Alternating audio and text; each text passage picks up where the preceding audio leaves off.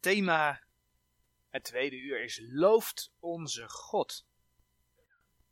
Als we het over bidden hebben, dan weten we dat dat is het spreken met God. Als je bidt, dan spreek je met de Heere God. En heel vaak zien we in dat spreken met de Heere God, dat er eigenlijk best wel veel vragen aan de Heere God gesteld worden. En blijkbaar is het dan lastig om ja, ook veel punten te bedenken, waarin we de Heere God bijvoorbeeld danken. Want ook dat mag. En beter gezegd, dat hoort naast bijvoorbeeld schuldbeleidenis. En naast dat je voorbeden doet, want dan gaat het om vragen. Een onderdeel van het gebed te zijn. Maar er is nog iets wat best wel veel in de Bijbel voorkomt. En dat ja, ook een onderdeel van dat gebed hoort te zijn. En dat is het loven en prijzen van de Heere God. En daar willen we dus dit uur bij stilstaan. Wat is loven en prijzen? En waar zouden we dan de Heer mee kunnen loven en prijzen? En dan willen we allereerst een gedeelte gaan lezen uit Jesaja 42. Jesaja 42, vanaf vers 8. Jesaja 42 vanaf vers 8. Ik ben de Heer, dat is mijn naam. En mijn eer zal ik aan geen ander geven, noch mijn lof de gesneden beelden. Zie, de voorgaande dingen zijn gekomen en nieuwe dingen verkondig ik. Eer dat zij uitspruiten, doe ik u lieden die horen. Zingt de Heere een nieuw lied, zijn lof van het einde der aarde, gij die ter zee vaart. En al wat daarin is, gij eilanden en hun inwoners. Laat de woestijn en haar steden de stem verheffen, met de dorpen die Kedar bewoont. Laat hen juichen die in de rotstenen wonen, en van de top der bergen afschreeuwen. Laat hen de Heere de eer geven en zijn lof in de eilanden verkondigen. De Heere zal uittrekken als een held. Hij zal de ijver opwekken als een krijgsman. Hij zal juichen. Ja, hij zal een groot getier maken. Hij zal zijn vijanden overweldigen. Tot zover. In deze verse lezen we eigenlijk dat de Heere overal geloofd moet worden. Overal geprezen moet worden. Van het einde der aarde tot in de zeeën, de eilanden en hun inwoners, in de woestijn, in de steden, in de dorpen. Van de toppen van de bergen moet het afgeschreeuwd worden, hebben we net gelezen. Jesaja 42, vers 12. Dat zegt, laat hen de Heere de eer geven en zijn lof in de eilanden verkondigen. Maar laten we eerst eens kijken wat loven en prijzen eigenlijk betekent. Loven en prijzen zijn, ja, dat zijn twee woorden. Maar eigenlijk betekenen ze hetzelfde. Als je in een woordenboek gaat kijken, dan vind je bij prijzen dat dat loven is, dat dat verheerlijken is, dat dat lof verkondigen is. En als je in dat woordenboek gaat kijken bij loven, dan zie je dat dat prijzen is, dat dat verheerlijken is. Nu hebben we vandaag de dag misschien een bepaald beeld van loven en prijzen, doordat we lofprijzen en aanbiddingsmuziek uit de charismatische beweging kennen. In dat soort liedjes wordt dan een bepaalde sfeer opgeroepen, vooral op het gevoel gewerkt. En daar wordt heel veel met herhaling gewerkt. Heel veel herhalen. En dat laatste, dat is juist iets waar de Heer tegen waarschuwt. Als je in Matthäus 6, vers 7 gaat kijken, we gaan dat nu niet opzoeken. Als je het zelf wil, dan kan dat natuurlijk. In Matthäus 6, vers 7 waarschuwt de Heer om geen ijdel verhaal van woorden te gebruiken, om geen ijdele of lege herhalingen te gebruiken. Dat is namelijk, staat er in Matthäus 6, vers 7, een heidense manier van bidden. Loven en prijzen, dat heeft te maken met waarde. En veel teksten die over loven en prijzen van de Heer gaan, geven daar op de een of andere manier een waarde van de Heer aan. In Openbaring 4 en 5 zien we bijvoorbeeld dat er in de hemel lof gezongen wordt. Lof gezongen wordt aan de Heer. En dan lezen we bijvoorbeeld in Openbaring 4 vers 11. Openbaring 4 vers 11. Gij, heren, zijt waardig te ontvangen de heerlijkheid en de eer en de kracht. Want gij hebt alle dingen geschapen en door uw wil zijn zij en zijn zij geschapen. Gij, heren, zijt waardig te ontvangen. De Heere is waardig. De Heere is het waard. Openbaring 5 vers 12. Daar staat geschreven. Zeggende met een grote stem, het lam dat geslacht is, is waardig te ontvangen de kracht en rijkdom en wijsheid en sterkte en eer en heerlijkheid en dankzegging. Het lam dat geslacht is, is waardig te ontvangen. Hij is waardig. Hij is het waard. In beide gevallen zien we ook dat de waarde aangegeven wordt. Want in Openbaring 4, vers 11 is de Heere waardig omdat hij alle dingen geschapen heeft. En in Openbaring 5, vers 12 is de Heere waardig omdat hij als het lam geslacht is. Dat verwijst naar het volbrachte werk van de Heer Jezus aan het kruis van Golgotha. Dat heeft Hij voor je gedaan. En daarom is Hij het waardig om door jou geprezen te worden. Dus loven en prijzen is een uitdrukking van ons mens. Dat we weten dat Hij de schepper is. Dat we weten dat Hij het volbracht heeft. En dat we Hem daarom eren. En zo direct zullen we daar nog meer redenen zien waarom de Heer te loven is. Je looft en prijst de Heer voor wat Hij voor jou betekent. Nu gaan openbaring 4 en 5 over een situatie in de hemel. Nadat, dat lees je in openbaring 4 vers 1 en 2, Johannes is opgenomen in de hemel. En dat is eigenlijk een beeld voor het feit dat op een gegeven moment de gemeente opgenomen wordt. Want die gemeente die komt in openbaring 2 en 3 voor. En na openbaring 4 vers 1 en 2 niet meer. De gemeente weg. Dus de opname van Johannes, daar is een beeld voor de opname van de gemeente. En het gedeelte wat we gelezen hebben in Jesaja 42, dat gaat eigenlijk over de tweede komst. Het is de profeet Jesaja. Dat gedeelte in Jesaja 42, het gaat over de tweede komst, het eind van de grote verdrukking, begin van het duizendjarige vrederijk. Maar dat gedeelte in Jesaja 42, dat begint dan met een beschrijving van de knecht des Heren. Die versen hebben we niet gelezen. Maar het begint met een beschrijving van de knecht des Heren. Waarbij, als je die teksten gaat lezen, de eerste komst en de tweede komst van die knecht des Heren eigenlijk een beetje met elkaar vermengd worden.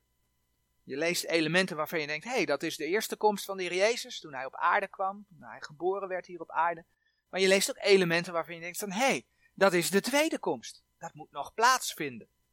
En dat is iets wat we vaker zien gebeuren in de profeten, omdat de profeten nog geen zicht hadden op de gemeentetijd. Nou, wanneer we dan in Jesaja 42 vers 4 lezen, hij zal niet verdonkerd worden en hij zal niet verbroken worden totdat hij het recht op aarde zal hebben besteld en de eilanden zullen naar zijn leer wachten. Dan lezen we over het recht dat de Heer op aarde gaat brengen. En dat recht, dat is niet eerder dan dat hij regeert in zijn koninkrijk van het duizendjarige vrederijk.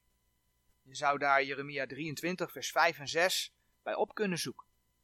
Gaan we nu niet doen, maar het is een gedeelte wat daar mooi bij past. Jeremia 23, vers 5 en 6. En dan lezen we in Jesaja 42, vers 10 over een nieuw lied. Zingt de Heere een nieuw lied, zijn lof, van het einde der aarde, gij die ter zee vaart, en al wat daarin is, gij eilanden en hun inwoners. Nou, het mooie is dat dat nieuwe lied, en dan gaan we weer terug naar openbaring 5, dat dat nieuwe lied ook terugkomt in de hemel. Dat nieuwe lied komt terug in de hemel wanneer de Heer ja, op het punt staat om af te rekenen met zijn vijanden. Want na openbaring 4 en 5 ontvouwt zich de 70ste jaarweek en de grote verdrukking over de aarde. En dan aan het eind van die grote verdrukking rekent de Heer met zijn vijanden af. Komt het duizendjarig vrederijk en daarna wordt dan uiteindelijk met de duivel afgerekend. De mensen die dan alsnog in opstand gekomen zijn. Maar dat nieuwe lied zien we terugkomen in openbaring 5. Laten we vers 8 en 9 lezen. En als het, dat gaat dan over het lam, als het het boek genomen had, vielen de vier dieren en de 24 ouderlingen voor het lam neder, hebbende elk cieters en gouden violen zijn de vol reukwerk, welke zijn de gebeden der heiligen. En zij zongen een nieuw lied, zeggende, gij zijt waardig het boek te nemen en zijn zegelen te openen, want gij zijt geslacht en hebt ons goden gekocht met uw bloed uit alle geslacht en taal en volk en natie. Daar wordt dus een nieuw lied gezongen in de hemel. En je komt dat ook in de psalmen tegen. Laten we naar psalm 98 bladeren. Psalm 98. Ook dan is het vaak gekoppeld aan de profetieën over de Heer Jezus. En ook over zijn tweede komst. En dat zien we bijvoorbeeld in Psalm 98. In Psalm 98, vers 1 en 2, daar lezen we: Zingt de Heere een nieuw lied, want hij heeft wonderen gedaan. Zijn rechterarm en de arm zijner heiligheid heeft hem heil gegeven. De Heere heeft zijn heil bekendgemaakt. Hij heeft zijn gerechtigheid geopenbaard voor de ogen der heidenen. Hier komt opnieuw dat stukje. Hij heeft zijn gerechtigheid geopenbaard voor de ogen der heidenen voor. In Isaiah 42, vers 4 hadden we gelezen over het recht dat de Heer ging brengen. En dat hij dus zijn gerechtigheid geopenbaard heeft voor de ogen der heidenen, dat verwijst naar zijn tweede komst. Dat blijkt ook uit Psalm 98, vers 9. Dan wordt hij wel heel duidelijk. voor het aangezicht des Heren, want hij komt om de aarde te richten. Hij zal de wereld richten in gerechtigheid en de volken in alle rechtmatigheid. Dat is het oordeel van de volken, wat zal plaatsvinden aan het begin van het duizendjarige vrederijk. Dus deze psalm gaat over zijn tweede komst. En juist in deze context lezen we, net als in Jesaja 42 en Openbaring 5, in het eerste vers van Psalm 98, zingt de Heere een nieuw lied. Het loven en prijzen heeft hier heel duidelijk betrekking op de tweede komst. De Heere zal geprezen worden. En de aarde zal er vol mee zijn. Denk aan de versen die we in Jesaja 42 gelezen hebben. Maar dan neem niet weg dat loven en prijzen niet alleen voor die tijd is die komen gaat. De psalmen zijn voor een groot deel profetisch, maar gaan ook over hetgeen de psalmschrijvers meemaakten. En zij geloofden en zij prezen de Heere God met hun psalmen. Als we naar Psalm 145 bladeren, dan zien we wat David zegt in de eerste vier versen van die psalm. Psalm 145, de eerste vier versen. Een lofzang van David. O mijn God, gij koning, ik zal u verhogen en uw naam loven in eeuwigheid en altoos. Te allen dagen zal ik u loven en uw naam prijzen in eeuwigheid en altoos. De Heer is groot en zeer te prijzen, en zijn grootheid is ondoorgrondelijk. Geslacht aan geslacht zal uw werken roemen, en zij zullen uw mogendheden verkondigen. David schreef dat hij de Heere elke dag zou loven. Elke dag. En dan staat er, geslacht aan geslacht zal uw werken roemen. Dus het is voor alle tijden. En dat betekent dat dat ook voor vandaag de dag geldt. En als je dan in Romeinen 15 vers 11 kijkt, Romeinen, brief van Paulus aan de gemeente, waar Paulus een psalm betrekt op de gemeente. Dan lees je in Romeinen 15 vers 11, en wederom, looft de Heere, alle gij heidenen, en prijst hem alle gij volken. Paulus past het toe op de gemeente. Ook vandaag word je dus opgeroepen de Heer te loven en te prijzen. Overigens zie je dat in de versen van Psalm 145 een reden gegeven wordt waarom de Heer te loven en te prijzen is. In Psalm 145 staat dat hij te loven en te prijzen is omdat de Heer groot is en omdat zijn grootheid ondoorgrondelijk is. Vers 3. De Heer is groot en zeer te prijzen en zijn grootheid is ondoorgrondelijk. Hij is te prijzen omdat hij het waardig is, omdat hij groot is. En die grootheid is voor ons mensen niet te doorgronden. Zo groot is God. Loven en prijzen doe je omdat de Heer het aangenaam vindt. Hij wil graag geloofd worden. Hij wil graag geprezen worden. In Psalm 69 vers 31 en 32 lezen we het volgende. Ik zal Gods naam prijzen met gezang en hem met dankzegging groot maken. En het zal de Heere aangenamer zijn dan een os of een gehoornde var die de klauwen verdeelt. Nou, dat laatste is een verwijzing naar de offers van het Oude Testament, die overigens in het duizendjarige vrederijk gaan terugkomen. Dan wordt er weer geofferd. Maar wat we zien, is dat de dierenoffers voor de heren ondergeschikt waren aan het loven en prijzen. Loven en prijzen om daarin de heren te erkennen, de heren te eren met je mond. Dat was voor de heren belangrijker. Nou, als we zien dat loven en prijzen door de tijd heen gegeven is, geslacht aan geslacht, dus ook voor vandaag de dag, dan zien we daar dus ook staan dat het de Heere aangenaam is. Het is de Heere aangenaam dat je hem looft. Het is de Heere aangenaam dat je hem prijst. Nou, loven en prijzen, dat is iets wat een plek hoort te hebben in je gebeden. Als voorbeeld zoeken we Nehemia 8 vers 7 op. Nehemia. Ezra, Nehemia, Esther, Job. Psalm. Ezra, Nehemia, Esther, Job, Psalmen. Nehemia 8, vers 7. En dan lezen we, en Ezra loofde de Heere, de grote God, en al het volk antwoordde, Amen, Amen, met opheffing hunner handen, en zij neigden zich en aanbaden de Heere met de aangezichten ter aarde. Hier zien we dat het loven van de Heere samengaat met het aanbidden. Maar we zagen al dat loven en prijzen niet beperkt is als toepassing in het gebed. Je kunt de Heer op meer manieren loven en prijzen. In Psalm 98, in Jesaja 42, in Openbaring 4 en 5 hebben we gezien dat het om een nieuw lied gaat. Dus dat heeft met zingen te maken. Daarom is zingen in de gemeente ook belangrijk. Daardoor kun je samen de Heeren loven, kun je samen de Heer prijzen. En vaak is zingen ook een vorm van gebed. Een reden overigens, waardoor je ook ziet dat het belangrijk is om te proberen met liederen bij de Bijbeltekst te blijven. Of in elk geval bijbelgetrouwe liederen te zingen. Want het is de bedoeling dat je met die liederen de Heer eert. Dat je de Heer verheerlijkt. Nou, in Psalm 98 zagen we dat daar ook muziek bij kan komen kijken.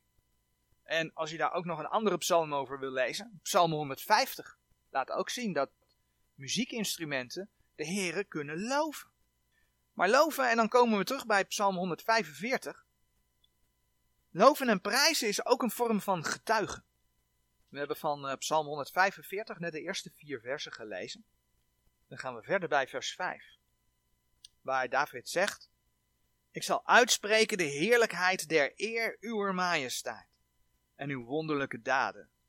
En zij zullen vermelden de kracht uwer vreselijke daden en uw grootheid, die zal ik vertellen. Vers 7 nog. Zij zullen de gedachtenis der grootheid uwer goedheid overvloediglijk uitstorten en zij zullen uw gerechtigheid met gejuich verkondigen. Dus maak je de Heere groot in je leven geef je hem de dank en de eer. En als we zoals gisteren op straat zijn, en we zijn woord mogen uitdragen, en we zijn werken mogen verkondigen, dan is dat voor de Heere dus een lofprijs. Want we verkondigen de werken des Heren. En dat hebben we net gelezen. Geslacht aan geslacht zal uw werken roemen, en zij zullen uw mogendheden verkondigen. Zoals we zagen, heeft loven en prijzen te maken met het feit dat de Heer daartoe waardig is. Nou, als voorbeelden zagen we onder andere al in Psalm 145 dat de Heer groot is en dat zijn grootheid ondoorgrondelijk is. En bij het volgende punt hebben we ook al kort heel even bij stilgestaan, maar gaan we iets uitgebreider stilstaan. Openbaring 4 vers 11, dat laat zien dat de Heer in de hemel geprezen wordt omdat hij alle dingen geschapen heeft. En door zijn wil zijn zij en zijn zij geschapen, zegt de openbaring 4 vers 11. Kortom, hij is de schepper van hemel en aarde. En er is maar één schepper. Er is maar één schepper van hemel en aarde. Dus hij is het waardig om geprezen te worden, om geloofd te worden. De rest is door mensen in het leven geholpen. Afgoden. Maar er is maar één schepper van hemel en aarde. En die schepper had alle macht om de dingen tot bestaan te roepen. Hij sprak en het was er. Nou, Colossense 1 vers 16. Dat zegt over die schepping. Colossense 1 vers 16. Want door hem zijn alle dingen geschapen die in de hemelen en die op de aarde zijn. Die zienlijk en die onzienlijk zijn. Het zij tronen, het zij heerschappijen, het zij overheden, het zij machten. Alle dingen zijn door hem en tot hem geschapen. En dan bladeren we terug naar Jeremia 32 vers 17. Jeremia 32 vers 17. En daar bidt Jeremia en hij zegt in vers 17, Ach, heren, heren, zie gij hebt de hemelen en de aarde gemaakt door uw grote kracht en door uw uitgestrekte arm. Geen ding is u te wonderlijk. Het is de Heere die die grote kracht heeft. Die grote kracht dat hij dat kan. Die tekst in Jeremia 32 vers 17 zegt dat hem niets, niets te wonderlijk is. Ja, en is het niet geweldig dat je dus door Jezus Christus die God mag kennen? Dat je zelfs over een persoonlijke relatie met die God mag spreken. En dat je door Jezus Christus een kind van die God mag zijn. En dat je mag weten dat die God voor je zorgt. Want 1 Petrus 5 vers 7 zegt, werpt al uw bekommernis op hem, want hij zorgt voor u. Het is die God met die kracht, met die macht, die zorgt voor het kind van God. En het is die God die je dus mag loven en prijzen voor zijn machtige werk. In Openbaring 5 vers 12 zagen we dat de Heere in de hemel geprezen werd, sorry, wordt, omdat het lam geslacht is. En dat noemde ik al eerder, dat verwijst natuurlijk naar het verlossingswerk van de Heer Jezus. Dat de Heer Jezus voor ieder mens, ook voor jou, naar de aarde is gekomen. Hij was God in de hemel. En hij heeft een menselijk lichaam aangenomen. Laten we naar Filippenzen, een bekend schriftgedeelte, maar we gaan het lezen. Dus de vernedering die hij voor ons ondergaan is. Filippenzen 2. Hij was God in de hemel, heeft een menselijk lichaam aangenomen om zo zijn leven te kunnen geven en mensen te kunnen redden. In Filippenzen 2 vanaf vers 6 daar lezen we die in de gestaltenis God zijnde geen roof geacht heeft Gode even gelijk te zijn, maar heeft zichzelf vernietigd, de gestaltenis eens dienstknechts aangenomen hebbende, en is de mensen gelijk geworden. En in gedaante geworden als een mens, heeft hij zichzelf vernederd, gehoorzaam geworden zijnde tot de dood, ja, de dood des kruises. Hij was zonder zonde. Als je naar de Pascha-geschiedenis gaat kijken in het Oude Testament, Exodus 12, vers 5, dan lees je dat daar een volkomen lam nodig was voor dat Pascha. Een volkomen lam. Nou, de Heer Jezus was dat volkomen lam van God. Hij was zonder zonde. En dus kon Johannes de Doper in Johannes 1, vers 29 uitroepen: Zie het lam Gods, dat de zonde der wereld wegneemt. En ja, Gods woord getuigt dat hij is opgestaan uit de dood. En doordat hij die weg gegaan is, kun je als mens het eeuwige leven ontvangen. En dat alleen maar, alleen maar door met je hart te geloven dat hij voor jouw zonde gestorven is en opgestaan is. Dat is Romeinen 10 vers 9 tot en met 11. Geloven met je hart, beleiden met je mond. Hoe moeilijk kan het zijn? Wat een genade. En als je hem als je persoonlijke verlosser hebt aangenomen, ja, dan mag je je behouden weten. Want dan heb je het eeuwige leven in Jezus Christus ontvangen. Opnieuw, wat een genade. Hij is de redder. Als we 1 Petrus 1 vers 3 daarbij opzoeken. Hij is de redder, hij is de verlosser. 1 Petrus 1 vers 3. Dan zie je opnieuw dat dat een reden is om hem te loven en hem te prijzen. 1 Petrus 1 vers 3. Geloofd zij de God en Vader van onze Heer Jezus Christus, die naar zijn grote barmhartigheid ons heeft wedergeboren tot een levende hoop door de opstanding van Jezus Christus uit de dood. Dat is het. Die naar zijn grote barmhartigheid ons heeft wedergeboren tot een levende hoop door de opstanding van Jezus Christus uit de dood. En daarom gelooft zij de God en Vader van onze Heer Jezus Christus. Zie daar een reden om jouw Heer te loven en te prijzen voor wat Hij voor jou gedaan heeft. Ja, en we weten dat alles. We weten dat alles door zijn woord. Door zijn woord. Zijn woorden getuigen van Jezus Christus. Door zijn woorden te horen en te geloven, kom je tot geloof, ben je tot geloof gekomen, ben je tot wedergeboorte gekomen. Dat maakt dat je de verlossing gekregen hebt, zegt Efeze 1, vers 13 en 14. Dus je mag de Heer loven en prijzen voor het feit dat Hij zijn woorden gegeven heeft. Laten we Psalm 56 opzoeken. Psalm 56, vers 5. Je zou ook Psalm 33, vers 1 tot en met 4 kunnen opzoeken. Maar wij zoeken Psalm 56, vers 5 en 11 op. Psalm 56, vers 5. In God zal ik zijn woord prijzen. Ik vertrouw op God. Ik zal niet vrezen. Wat zou mijn vlees doen? En vers 11. In God zal ik het woord prijzen. In de Here zal ik het woord prijzen. Duidelijk. Nou, vorige week stonden we stil bij het thema dat de Heere God getrouw is. Binnen het onderwerp de eigenschappen van God. En we zagen dat Hij onveranderlijk is. We zagen dat als God een belofte doet, dat Hij die nakomt. We zagen dat de profetieën die Hij in zijn woord gedaan heeft, dat die letterlijk uitkomen. Die gaan letterlijk in vervulling. Allemaal. We hebben diverse voorbeelden bekeken. Laten we terug naar Jezaja, want ook in dat schriftgedeelte wordt gesproken over het feit dat God zijn woord gestand doet. In Jezaja 42 vers 9. 42 vers 9. Daar hebben we gelezen. Zie de voorgaande dingen zijn gekomen en nieuwe dingen verkondig ik. Eer dat zij uitspruiten, doe ik uw lieden die horen. Dus God verkondigt iets en het komt. De voorgaande dingen zijn gekomen.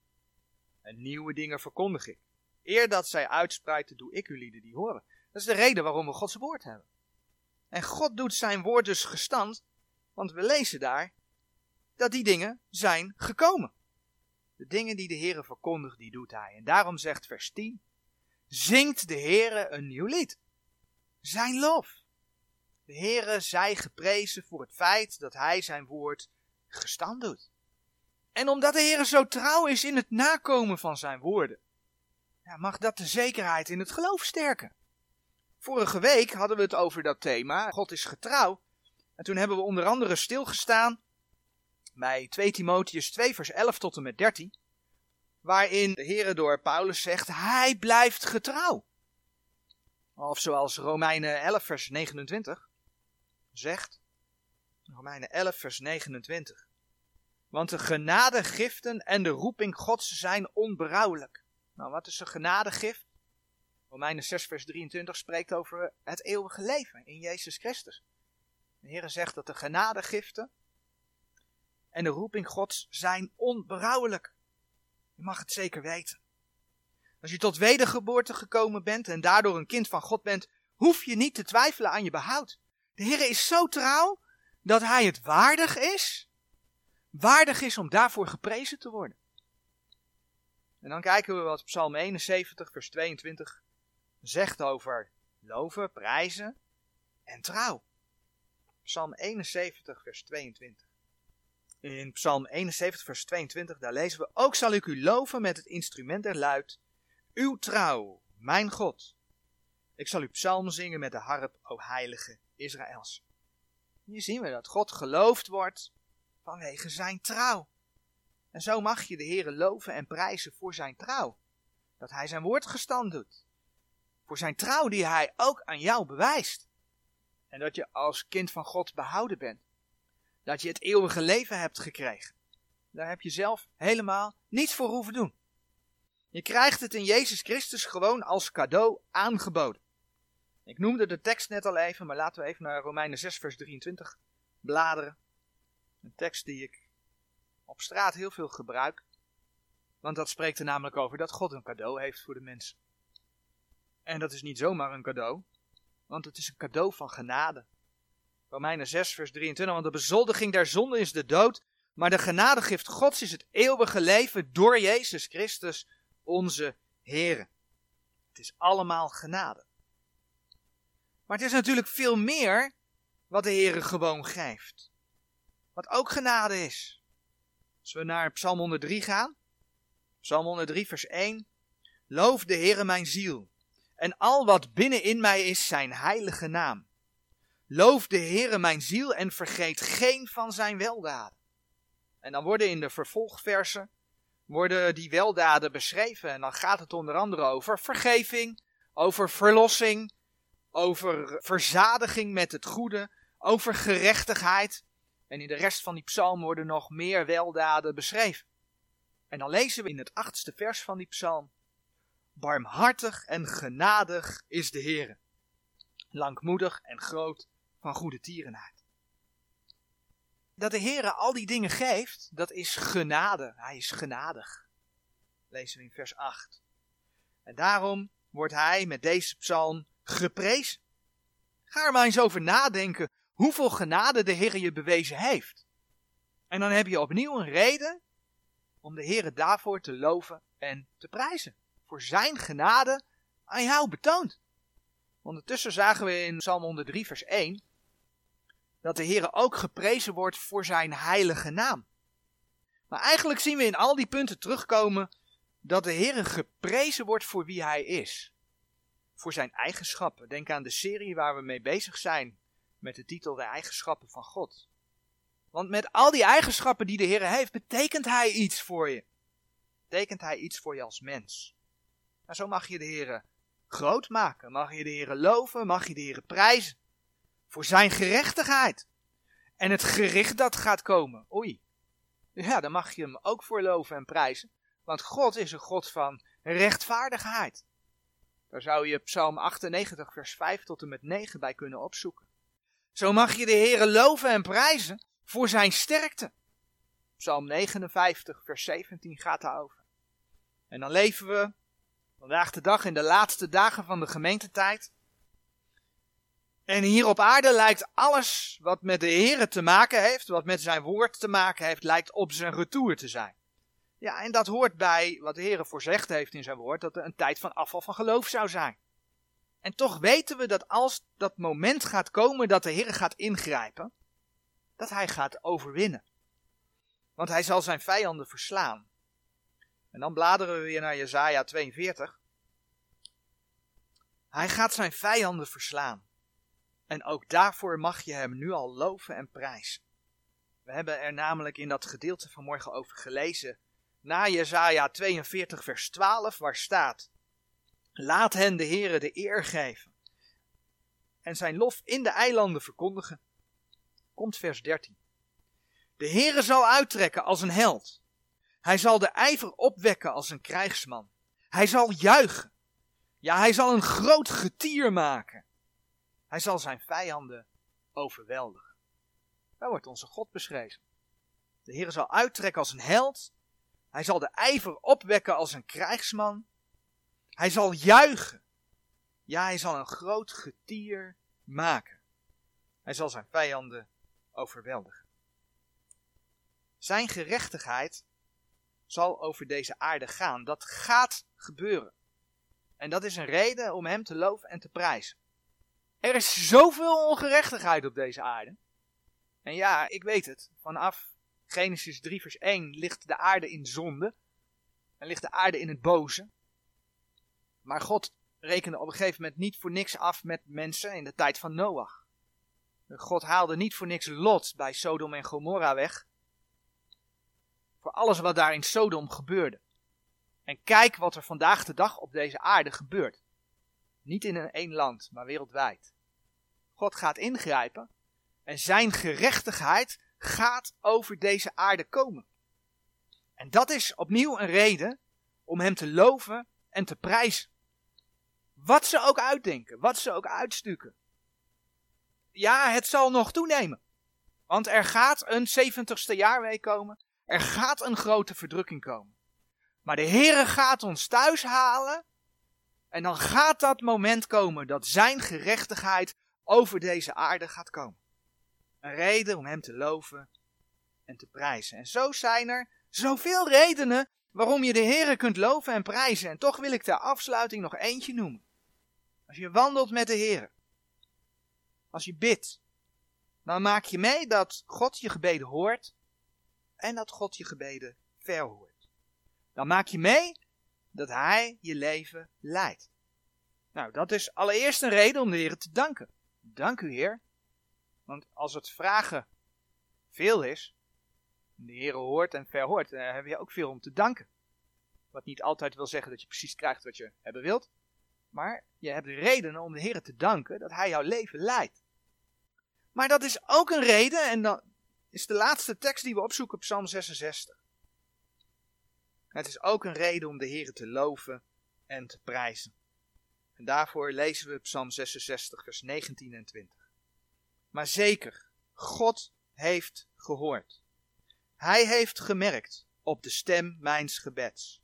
Geloofd zij God, die mijn gebed niet heeft afgewend, noch zijn goede tierenheid van mij. Mooi hè? Maar zeker, God heeft gehoord. Hij heeft gemerkt op de stem mijns gebeds. Geloofd zij God, die mijn gebed niet heeft afgewend, noch zijn goede tierenheid van mij. Nou, we hebben gezien dat het loven en prijzen van de Heere te maken heeft met het feit dat Hij het waardig is om door jou geprezen te worden. Er is zoveel door wie Hij is, wat de Heere voor je gedaan heeft. En wat dus redenen geeft om Hem te loven en te prijzen. Als voorbeeld kijken we naar Zijn grootheid, Zijn macht in de schepping, Zijn verlossende werk, Zijn woord, Zijn getrouwheid. Hij is trouw. Zijn genade, Zijn heilige naam, Zijn gerechtigheid, Zijn sterkte, Zijn overwinning, maar ook Zijn verhoring van je gebeden. De Heere zij geloofd en geprezen. Amen.